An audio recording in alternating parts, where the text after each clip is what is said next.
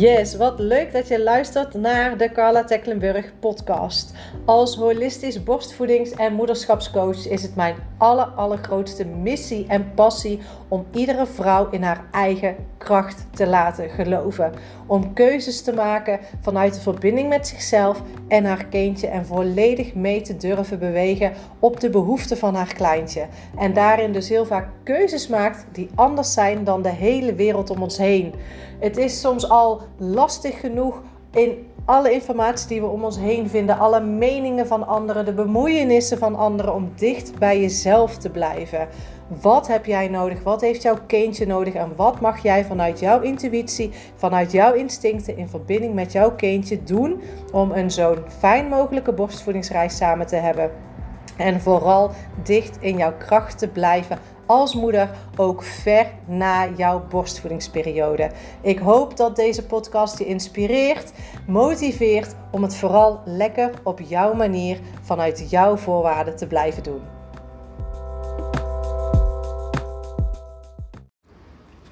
Hey, wat leuk dat je weer intuned. Uh, ik ging vandaag in deze Wereldborstvoedingsweek 2023 spontaan live op Instagram. En ik dacht, het is wel handig als ik eventjes een korte uh, intro geef, zodat je niet meteen vol in de, in de live-opname terechtkomt. Ik deel waarom ik al negen jaar borstvoeding geef en vooral hoe ik met mijn uitdaging ben omgegaan en uh, ja, wat mijn stappen zijn geweest om zo ver te komen. Dus laat je inspireren. Mocht je een vraag hebben, stuur me gerust een berichtje naar aanleiding van deze aflevering. Dan wens ik je heel veel luisterplezier. Spontane live, want ik krijg de laatste tijd, zeker nu in deze Wereld Borstvoedingsweek, steeds vaker de opmerking hoe knap het is dat ik al zo lang borstvoeding geef. Um, en ook natuurlijk hoe ik het al zo lang volhoud. uh, dus ik ga je een beetje mijn verhaal delen, mijn tips en tricks. En um, dat ik het eigenlijk helemaal niet zo speciaal vind dat ik al negen jaar borstvoeding geef. Eventjes niet aan één kind. Dat is verspreid over twee kinderen. Ik heb mijn zoon Danaos vier jaar borstvoeding gegeven. Toen zijn we gestopt op zijn verjaardag. Dat werkte super fijn. Uh, om, hij keek uit naar zijn verjaardag en ik ging zeggen, maar dan gaan we voor de laatste keer drinken. En ik was ondertussen ook zwanger al van Elina. Dus ik ben ondertussen zo'n maand of zes tussen hun in gestopt met borstvoeding. Dus het is geen negen jaar aan één gesloten geweest. Um, en nu met Elina zit ik al op de ruim vijf jaar. En Heel veel mensen vinden dat knap. Ik vind het niet zo knap.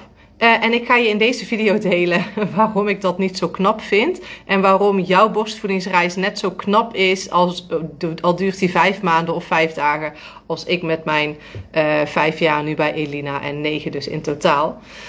Um, want het lijkt een beetje alsof het een hele nou ja, alsof je een bepaalde, ehm, hoe noem je dat? Een achievement krijgt of zo. Weet je, alsof je een bepaalde score kunt halen op de ladder van uh, ik geef zo lang borstvoeding. Um, alsof je dan heel goed bent of zo. Ik weet niet. Ik, hoop dat je een beetje snapt wat ik bedoel.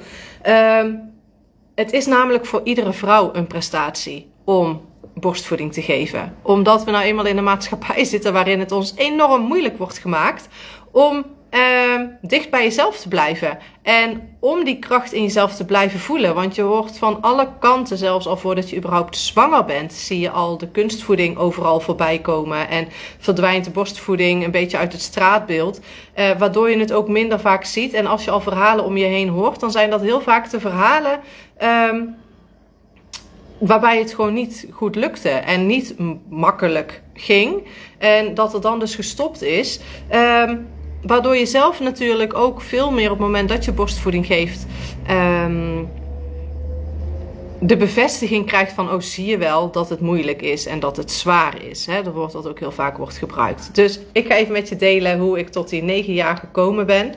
Uh, als je me al langer volgt, dan ken je mijn verhalen al een beetje. En misschien zit je voor de eerste keer hier nu uh, dat je op deze live terechtkomt. Ik woon in Griekenland sinds 2008, dus ondertussen zo'n 15 jaar. En mijn kinderen zijn allebei dus hier in Griekenland geboren.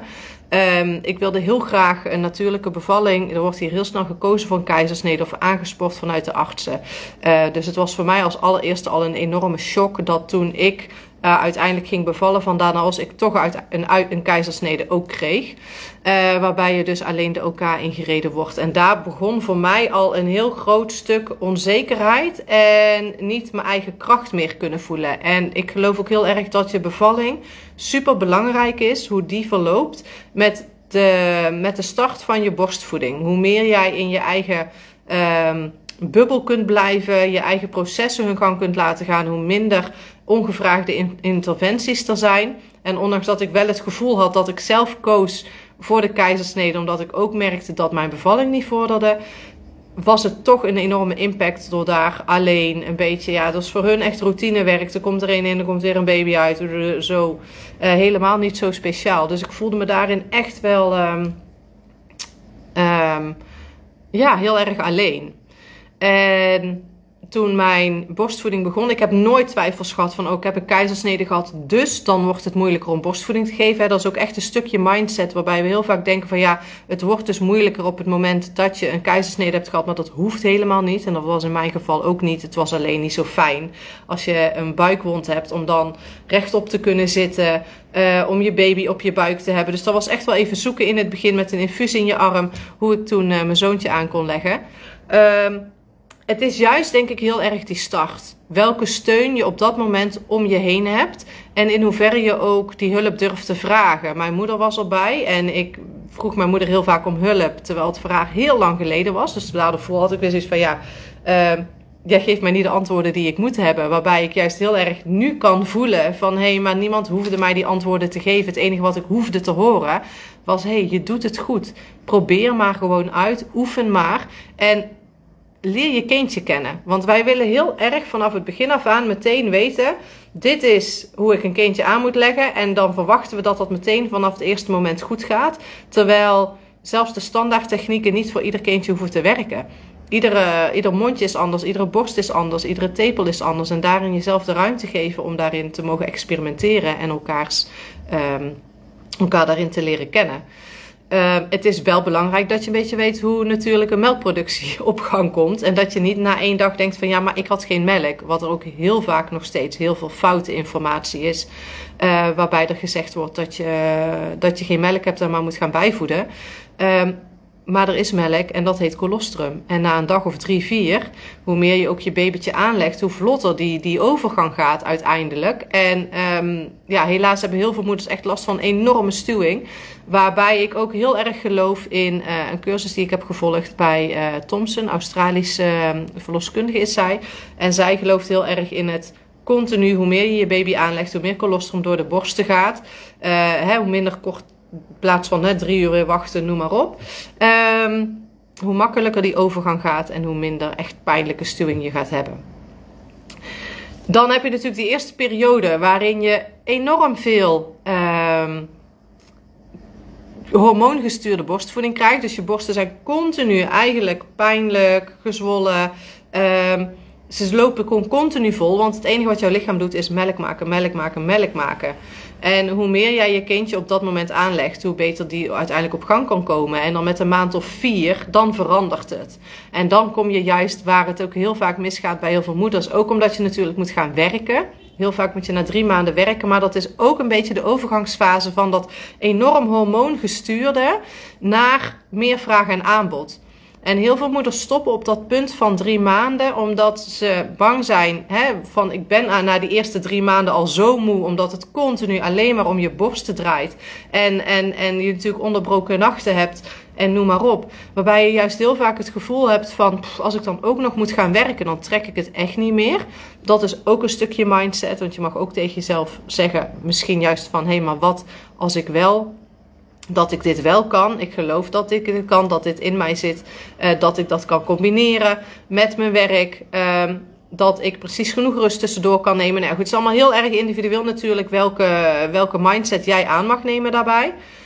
Maar omdat je dan aan het werk gaat vaak, je ook nog eens gaat kolven, je spanning hebt misschien onder de kolvenomstandigheden die je krijgt van je baas uit. En gelukkig heb ik nou, van mijn laatste post heel veel positieve reacties gekregen.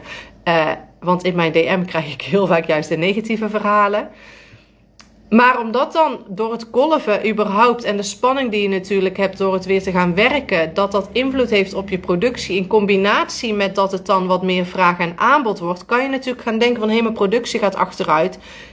Ik heb geen melk meer omdat ik aan het werk ga. Terwijl je juist misschien als je door zou gaan en je lichaam daarin weer wat meer ligt kennen, omdat het niet meer continu vol melk geven is, dat je dan juist.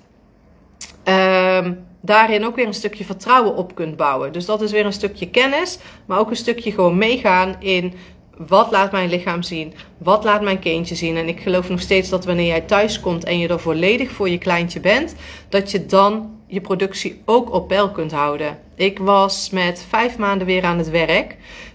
Um, ik kolfde gewoon puur voor mijn productie, want was die dronk geen druppel. Maar ik wist wel dat zodra ik thuis kom, ga ik er voor hem zijn. En hoef ik van mezelf niks anders. En dat is iets wat we vaak heel erg moeilijk vinden. Dat op het moment dat we dan thuis zijn, we nog vinden dat we 600 andere dingen moeten doen.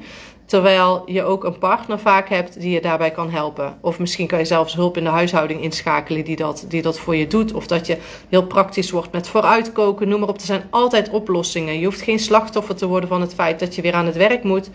Dat je uh, ook nog een kindje hebt en dat dan borstvoeding zeg maar daaronder gaat leiden. Want dat hoeft echt niet. Maar het is wel een bepaalde kracht die je in jezelf aan mag zetten en een bepaalde rust die je zelf mag geven op een moment van hé, hey, nu ben ik thuis, nu hoef ik even niks, ben ik er voor mijn babytje. En je zal merken naarmate je kindje ouder wordt, krijgen ze meer interesse in de buitenwereld. En dan merkte ik met Dana als ook. Op een gegeven moment werden die voedingsmomenten anders en werd het minder. Maar over de hele dag gezien, en vaak halen ze het dan juist s'nachts in, of voor de ontprikkeling, omdat je er overdag niet bent geweest, omdat je aan het werk ging, merkte ik dat dan als bij mij juist s'avonds en s'nachts heel erg ging clusteren, heel veel meer ging drinken omdat wij samen sliepen, wat ook super belangrijk is, denk ik, om je productie op gang te houden. En voor de, voor de binding, juist wanneer je weer aan het werk bent, kan je wel denken, ja, ik word honderd keer wakker. Maar omdat je samen ligt, val je ook veel makkelijker weer in slaap. En ben je steeds een beetje zo, een beetje aan het, aan het hoe noem je dat? Uh, het Nederlandse woord. Um, uh, nou ja, je weet wel wat ik bedoel. Aan het doezelen is, ja, is het woord. Weet je, het gaat uiteindelijk om de rust die je neemt. En ook dat stukje loslaten van ik functioneer alleen maar als ik acht uur ononderbroken slaap. Ja, dat was voordat je zwanger werd misschien. Maar je hele systeem is veranderd. Um, dus zo ging dat bij ons. Ik heb uiteindelijk dus, toen ik die eerste zomer ben overkomen met hem... Um, nou ja, met de kolven voor hem en het, de melk hebben we uiteindelijk bij de tomatenplanten gegooid omdat hij het toch niet opdronk. Um, en het was hoogzomer. Als hij echt, echt dorst had, dan dronk hij wel een beetje. Maar uh, uit de fles, maar anders echt niet. En uh, hij is nog steeds heel specifiek in wat hij, uh, wat hij wel en niet eet en wanneer hij eet. En dan op een gegeven moment, als je dat ritme te pakken hebt, ja, wat is dan nog de reden waardoor het zou stoppen? Het is echt die eerste periode uh, de eerste weken, de eerste maanden, dan die overgangsfase wanneer je aan het werk gaat. Ja, en dan, ja, dan heb je af en toe last dat er een tandje doorkomt, dat er een keer een ziekte is, dat je die momenten hebt van ik zie het niet meer zitten. En ik denk dat dat hetgeen is wat mij er het meest doorheen heeft getrokken. Op het moment dat ik zoiets had van ik weet niet hoe lang ik dit nog volhoud, uh, dan gaf ik mezelf een week. Als ik me over een week nog zo voel, dan ga ik iets veranderen. En dat was nooit. Het was nooit dat ik na een week uh, nog, zo, nog zo voelde. En ook iedere keer, daarom is het heel belangrijk dat je vooraf weet waarom, je echt, waarom jij borstvoeding wilt geven. Iedere keer weer intunen bij dat gevoel van, ja, maar waarom wil ik het? Waarom is het voor mij belangrijk? Voor mij was het belangrijk in verband met koemelkallergie en hier die, uh, die Pepti-melk, als we het überhaupt al kennen. Uh, nou moet je allemaal zelf betalen. Er is geen verzekering voor. Dus ik had zoiets van, weet je, daar ga ik gewoon niet aan. Uh, dus het was een heel groot stuk financieel, financieel maar ook natuurlijk de hechting en ook mijn lichamelijke, uh, buiten alle vitamines voor mijn kind, maar ook voor mij. Hè, dat je minder kans krijgt op het ontwikkelen van borstkanker, noem maar op. mm, ik heb geen water bijgezet. Ben veel aan het praten. Um, en dan maakt het uiteindelijk eigenlijk niet zo heel veel meer uit. Want dan, als je dan na die zes maanden, je hebt je, manier gevonden met werk, nou, dan, worden ze, je hebt iedere fase andere uitdagingen. Ze zijn sneller afgeleid. Dan uh, willen ze één seconde komen drinken en dan vertrekken ze weer. Weet je, daarin mag je best ook je eigen grenzen aangeven. Ik heb op een gegeven moment ook tegen Danos gezegd, ik denk rond twee, van we gaan niet meer, en ook bij Elina, Uh, we gaan niet meer, uh, we drinken alleen nog thuis. Gewoon omdat ik het zelf niet fijn vond met een heel groot kind te pas en te onpas, want zo deed ik het, uh, hem aan te leggen. Maar je kan ook bijvoorbeeld beginnen met, we gaan eerst een paar keer knuffelen. En als je dan voelt van, hé, hey, nu is het echt ehm, hè, echt wel iets dat, dat, dat, hij niet alleen even gewoon een knuffel nodig heeft, maar echt even melk wil drinken, dat je het dan doet. Dus voor iedereen natuurlijk allemaal heel anders. Um, en toen werd het alleen nog thuis. En toen werd het op een gegeven moment, naarmate hij ouder werd en met Elina hetzelfde, uh, hoe meer ze begrijpen, alleen nog uh, als we wakker worden of alleen wanneer het uh, licht buiten is. Hè, om zo een beetje ook die nachtvoeding af te bouwen. Want hey, ze zien het is donker nog bij de ramen. Um, dan doen we alleen maar knuffelen s'nachts. En zo heb ik het, dat is natuurlijk meest recente met Elina wel gedaan. Um, nu, alleen, nu alleen knuffelen. En dat heeft bij haar iets langer geduurd. Ze probeerde het nog iets vaker. En ik, ga daarin, ben daarin ook nooit te, um, hoe noem je dat? Te streng in geweest. Of er nooit laten huilen. Want als ik echt voelde van ja, maar nu is het echt omdat ze wil drinken. Uh, omdat ze echt eventjes uh, dat oplaadmomentje ook s'nachts wil hebben. Dan gaf ik het er wel. Maar toch iedere keer tussendoor eraan herinneren. We drinken alleen nog voordat we gaan slapen. Of we drinken alleen wanneer het licht buiten is. En dat is het fijne van, van een ouder kindje borstvoeding geven. Dat, op een gegeven moment gaan ze dat begrijpen. En uh, ik zou het geen trainen noemen. Want trainen vind ik vaak dat je, dat je een kind echt voorbij zijn behoeftes um, iets wil doordrukken. Voor mijn idee is het juist kijken van... Hey, je, je stemt je gewoon heel goed af met je kindje. Hey, hoe voel jij je? Wat voel ik bij jou? Hè? Is het gewoon puur eventjes aandacht? Of is het echt even die, die, die, die, die borst nodig hebben? En dat weet je als moeder. Echt, dat, dat voel je echt wel aan. En dan ook niet denken van, oh ja, want het is twee goede nachten geweest en nou wil ze weer uh, drie keer wel drinken s'nachts. En dat allemaal niet in je hoofd laten. Weten dat het uiteindelijk, ieder kindje gaat het op een gegeven moment afbouwen en gaat op een gegeven moment minder drinken. En ja, dan maakt het op een gegeven moment echt niet meer uit dan zit je zo, dan kan je nog wel tien jaar doorgaan, bij wijze van. Want dan voelt het totaal geen moeite meer. En wat heel vaak gewoon wel het, het, de, het idee is wat mensen hebben, dat borstvoeding geven heel moeilijk is, heel zwaar is en heel veel van je vraagt. En dat is ook de, de opmerking die ik van heel veel vrouwen hoor waar ik mee werk. Ik weet niet hoe lang ik dit nog vol ga houden. En op het moment dat je daar zit, dan zit je op een doorbraak. Want op het moment dat jij denkt van ik weet niet hoe lang ik dit nog vol ga houden dan komt er vaak een shift. Want je kan dit niet heel lang volhouden. Je kan niet die eerste maanden met een baby je hele leven volhouden. Dat is niet de bedoeling. Daarom groeien die kindjes ook zo snel. En gaan die fases zo snel voorbij. Want als jij heel lang in één fase zou blijven hangen, ja, dan vergt het te veel van jou als moeder. Maar daarom is het zo'n rollercoaster met ups en downs en dan weer dit en dan weer dat. Want anders zou je het inderdaad niet vol kunnen houden. Ik geloof daarin dat de natuur het echt super geregeld heeft. op het moment dat jij er even helemaal doorheen zit, dat je juist bij jezelf kan gaan voelen van oké, ik zit er helemaal doorheen, wat heb ik nodig? Misschien mag ik me heel eventjes uh, ergens een momentje voor mezelf regelen. Of even zorgen dat ik alleen maar met mijn baby bezig hoef te zijn en met niks of niemand anders. En kan je je een dag ziek melden op je werk, van om daar e-, echt naar jezelf te luisteren. Of is het juist um, dat je iets anders mag gaan doen in de voedingen met je kindje. Maar dat nooit echt gaan analyseren. Maar juist bij jezelf te voelen van... hé, hey, wat wil dit mij zeggen? Um, en wat hou ik niet meer vol? Is het echt de borstvoeding die je niet meer volhoudt? Of is het alles wat er daaromheen in je hoofd zit en wat er daaromheen gebeurt? En vaak komen moeders bij mij juist met dat stukje van ik weet niet meer hoe lang ik het volhoud. En juist door dan samen te gaan zitten en te gaan kijken van hé, maar wat speelt er nu eigenlijk allemaal? En waar kan je die rust bij jezelf weer vinden en die kracht? Want ja, weet je, dit is waarom ik het wil. En dan merk je ook dat het gedrag van je kindje daarna weer heel erg gaat veranderen, omdat je zelf weer dichter bij jezelf bent gekomen. Um, ik weet, ik kijk een aantal mensen mee, dus als je iets aan me wil vragen over mijn 9 jaar borstvoeding, als je misschien een stukje hebt gemist, uh, vraag, stel gerust uh, in de opmerkingen en dan kan ik daar nog eventjes op ingaan. Um, dus ja, voor mij waren de allerbelangrijkste fases de beginfase, de eerste maanden en het weer aan het werk gaan. En um, daarna wordt het alleen maar makkelijker. Want dan heb je je flow te pakken.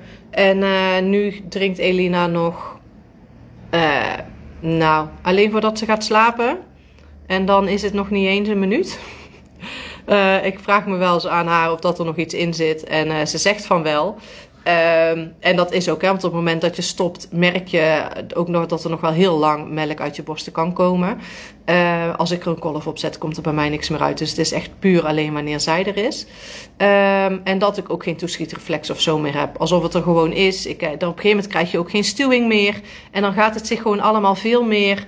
Um, ja, kan je weer gewoon een lekkere mooie BH's aan en weer jurkjes aan. En dan kan je gewoon weer al je kleding aantrekken. En dan beheerst het niet meer continu alles van je leven.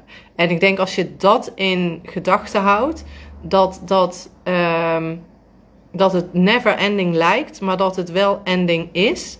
En ik weet niet dat ik helemaal in het begin, ik had echt last van pijnlijke tepels, wat ik achteraf dus weet dat dat kwam door infuus en vochttoediening en noem maar op. Um, en toen zei die gynaecoloog super lomp tegen mij, ja, hoe lang wil je borstvoeding geven? Ik zeg, ja, minimaal twee jaar. Nou ja, dit duurt twee weken, dus dat... Uh, He, dat weegt dan uh, niet op in verhouding tegen, de, de hoeveel, tegen hoe lang je borstvoeding wil geven. En vond ik echt een beetje lomp, maar het heeft me achteraf wel geholpen, want dat is het steeds. En als ik nu ook ga kijken, daarna is ondertussen 9,5, die wordt bijna 10. Die vier jaar borstvoeding geven aan hem leek op momenten heel intensief.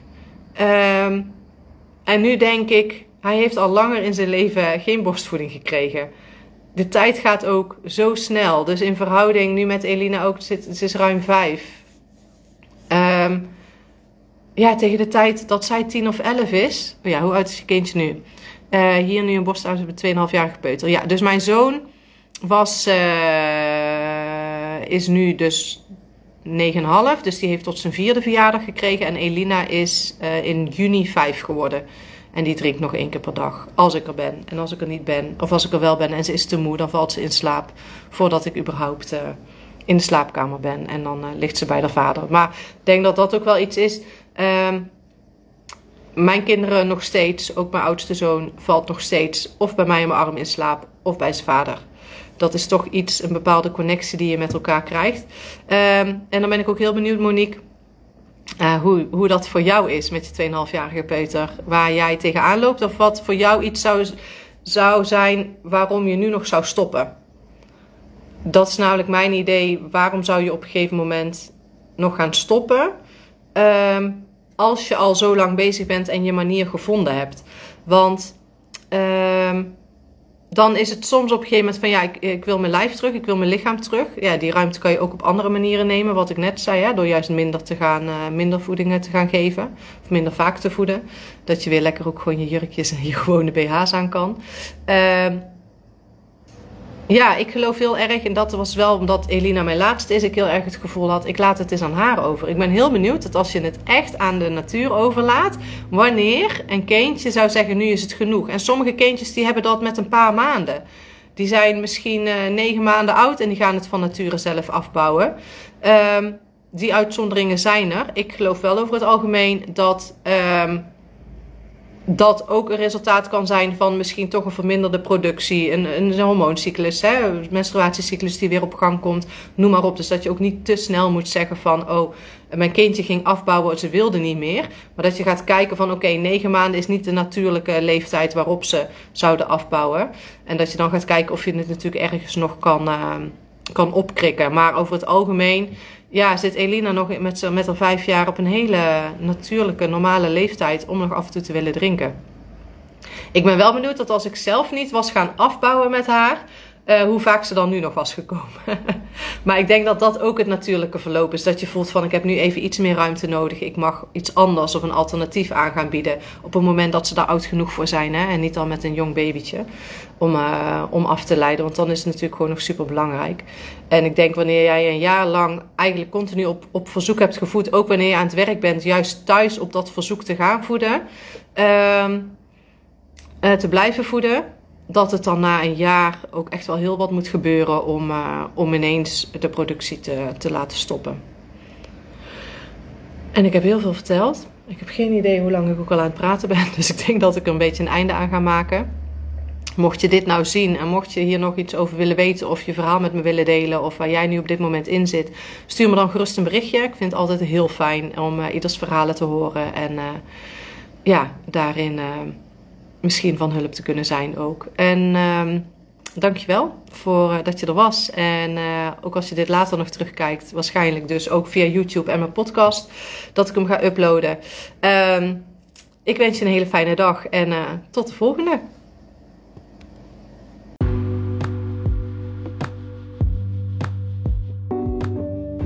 Dankjewel voor het luisteren naar deze aflevering. Is er iets in je aangezet, iets wat je graag met me wilt delen? Jouw visie, jouw struggle? Laat het me gerust weten. Stuur me een berichtje op Instagram en ik ga heel graag met je in gesprek. En als jij mij nu heel graag ook een plezier zou willen doen en heel eventjes de tijd zou willen nemen om deze podcast een review achter te laten of eventjes een aantal sterretjes aan te klikken, dan kunnen ook andere moeders zich ook geïnspireerd voelen om vanuit hun kracht moeder te zijn. Dankjewel en ik wens je een super fijne dag.